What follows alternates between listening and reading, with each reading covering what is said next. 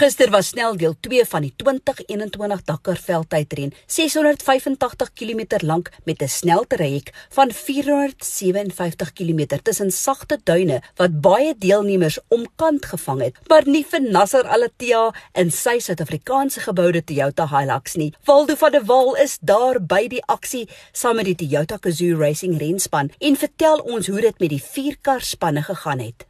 Die tweede traject van Dakar 21 was behoorlike billetjie geweest, 477 km lank met 'n paar sagte duine heel aan die begin. En die goeie nuus is, dit was 'n wen traject geweest vir Nasser Al-Attiyah en Matthew Baumel en hulle Suid-Afrikaans geboude Toyota Hilux. Die tweeetjies het behoorlik vir die minis opdraande gegee en nou lê hulle in die derde plek in die algehele tellbord. Dit was ongelukkig 'n slegte traject pretty much vir die res van die Toyota span gewees. Die beste van die res was uh, enk later gaan in Brett Cummings 14de op die traject aangeteken en dit nadat hulle vasgeval het in die sagte duine aan die begin van die traject en toe nog 'n klein bietjie navigasieprobleme ook ervaar het, maar in die algeheel eintlik glad nie sleg nie. Dan was daar Janiel De Villiers en sy uh, Spaanse medejaar Alex Haru 38ste op die traject nadat hulle een van die waypoints gemis het, 'n 20 minute penalty daarvoor gekry het en tyd verloor het terwyl hulle die storie gesoek het. So, hulle is nou baie laag af en nie regtig in 'n fantastiese posisie nie. En dan het Shameer Variaba en Dennis Murphy selfs slegter gevaar vandag 52ste uitgekom op die traject nadat hulle vir byna 2 ure vasgesit het op die einste sagte duine aan die begin van die traject wat ook verlate gaan in Cummings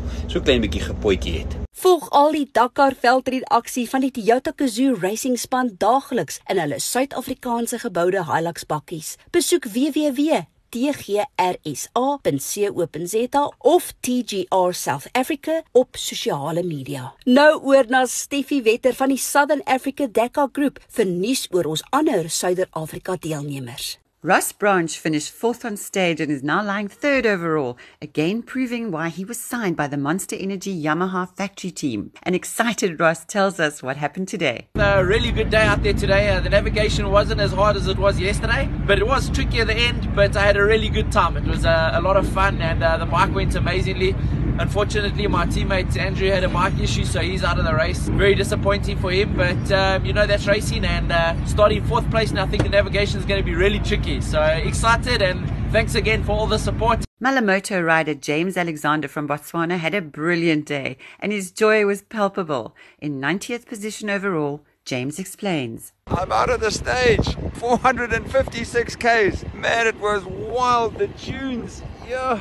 I came off a couple of times, but it wasn't bad. Yeah, I tell you, that is the stage of my life. Incredible. I'm so happy to be here. Woohoo!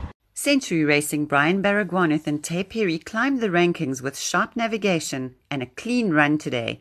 In eighth position overall, Here's Brian. So, pretty good day today. Uh, we just made a big mistake right off the start. First dune belt got stuck like amateurs uh, in a little hole, right in amongst the trucks and everything. Luckily, we didn't have an accident or anything. Then, uh, after that, we sort of got into a rhythm of things and, and, started fighting back. We had one waypoint which we missed, and then Taye saved the day towards the end. We had a good day. Brian was really fast. We had a lot of trucks to pass, so we were stuck in the dust a lot, which uh, took a lot of time. We, we were kind of slow in the fast section. So, but other than that, we were really smooth. Brian was uh, really neat in every day. With a 403 kilometre special stage and 630 kilometres in total, stage 3 promises more Dakar action as they head into the empty quarter. Pure unadulterated desert with fast technical sections, this stage again will show her teeth. Ek is Janet van Wiele Twee Wiele and I'm Steffi from the Southern Africa Dakar Group. Vir Dakar 2021. Tot môre. Hou jou wiele aan die rol.